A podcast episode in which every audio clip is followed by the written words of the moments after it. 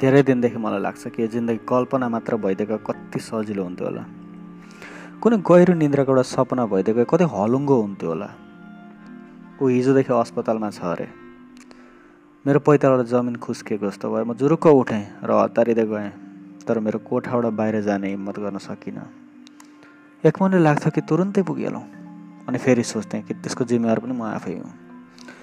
ढोका बन्द गरेँ र त्यहीँ अडिस लगाएर रुन थालेँ। मलाई आफैदेखि रिस उठेर आयो। मलाई चिच्याएर रुन मन थियो तर सकिनँ किनकि मेरो आफ्नै बाध्यता छन् आज। जिन्दगीलाई बाँच्न सिकाउने त मेरो अजिज पात्र अस्पतालको सैयामा छ।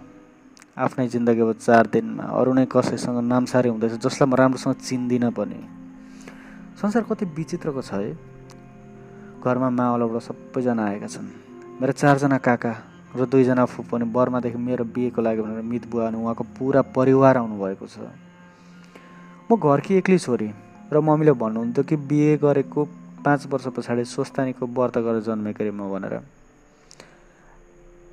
आजको बाहिरको रौनक र मेरो अन्तर्मनको विद्रोहले गरेको पराकाष्ठले मलाई अखण्डै गराएको छ। साना साना बहिनीहरू मेरो बिहेको लागि भनेर हिजैदेखि मेहन्दी लगाएर बसेका छन्। बाहिर के के भइरहेछ त्यो सबै देखेर पनि म न बाँच्ने मन छ न मलाई मर्ने आँट मेरो दिल दिमाग चेतना बस उही छ आलोक।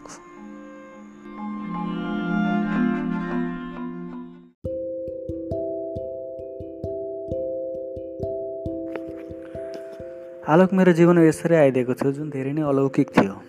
म सानैदेखि लजालु स्वभावकी थिएँ। मलाई अरूसँग घुल्न आउँदैन थियो।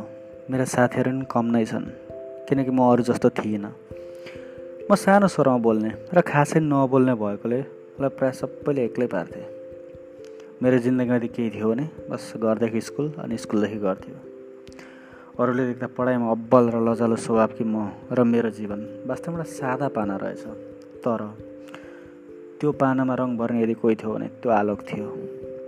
आलोकलाई मैले कक्षा एघारको अन्तिम परीक्षाको दिन भेटाएको थिएँ। र उसलाई जुन दिन मैले भेटेँ त्यो दिनदेखि मेरो ओठमा मुस्कानले सायद धेरै गाडेर बसेको थियो। उसको घर गाउँमा थियो। र ऊ भन्थ्यो कि उसलाई आमाले धेरै माया गर्नुहुन्छ भनेर। उसको घरमा चारजनाको परिवार थियो। र दाजुभाइ बिर्ताउन बस्थ्यो किनकि त्यो बेलामा साइन्स पढ्नको लागि उनीहरूको गाउँमा थिएन। उनीहरू दाजुभाइ एकदमै मिल्थे। ऊ जिन्दगी यसरी बाँच्थ्यो कि लाग्थ्यो कि ऊ साँच्चै खेलाडी नै हो।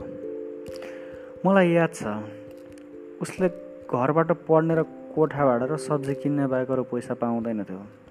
तर उनीहरू स्कलरसिपमा पढ्थे र त्यसको लागि रातभर मिहिनेत गर्थे। कोठाको भाडा तिर्न कहिले बाजीमा जितेर त कहिले मुक्तिसँग कलम बेचिरहेका हुन्थे।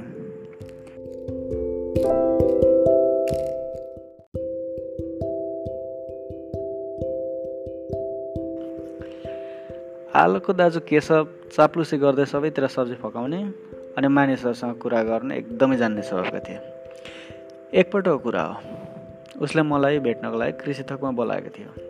हामी गफ गर्दै गर्दै गयौँ। उसले त्यो दिन मासु किन्यो अनि किनिसकेपछि सब्जी लाइनमा गएर खोर्सानी सोध्यो। खै आजकल त खोर्सानी पिरै आउँदैनन्। के लानु हौ? उसले भन्यो। त्यति भनिसकेपछि पसलवालीले भनेन् खाएर हेर न अनि पो थाहा हुन्छ त पिरो छ कि छैन भनेर।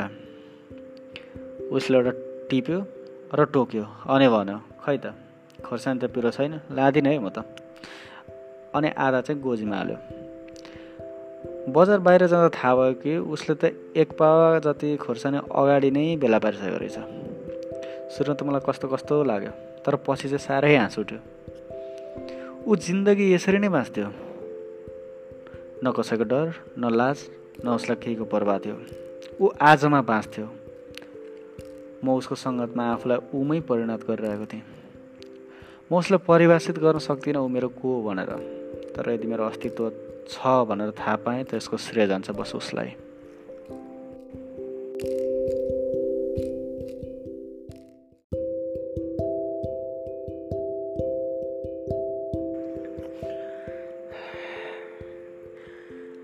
मलाई आज संसार शून्य लागिरहेको छ।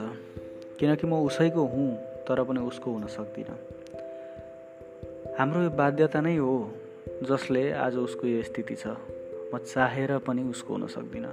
हाम्रो जात मिल्छ उमेर नै मिल्छ विचार मिल्छ आर्थिक स्थिति मिल्छ तर सबै थोक मिल्नु नै आज हाम्रो लागि अभिशाप भइदिएको छ।